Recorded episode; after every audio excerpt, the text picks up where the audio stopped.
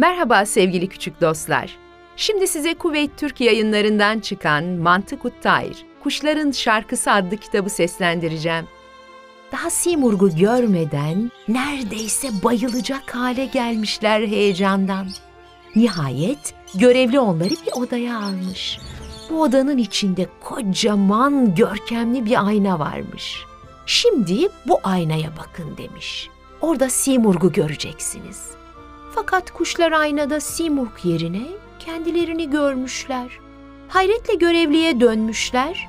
Görevli onlara, siz buraya 30 kuş geldiğiniz için aynada 30 kuş gördünüz. Daha az veya daha çok gelseydiniz, aynada o kadar görünürdünüz. Aynaya bakan ancak kendisini görür, başkasını değil.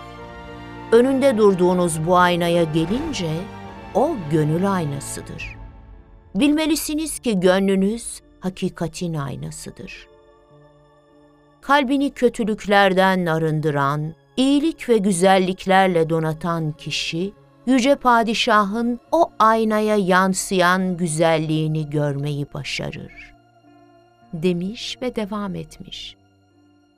Siz bu yolculuk boyunca geçtiğiniz vadilerde kalbinizi yalancılık, kıskançlık, hırs, bencillik, kendini beğenmişlik, kibir, açgözlülük gibi kötü huylardan arındırdınız.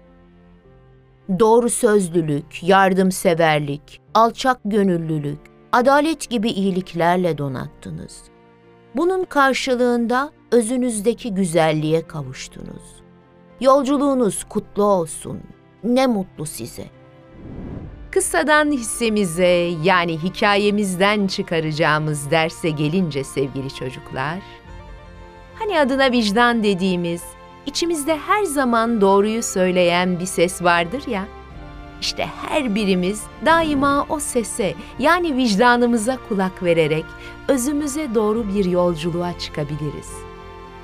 Bu yolculukta kalbimizi kötülüklerden arındırıp iyiliklerle donatabilirsek özümüzdeki güzelliğin farkına varırız. Bir ayna olan gönlümüz bizi yaratan ve seven Yüce Allah'ın sevgisiyle dolar.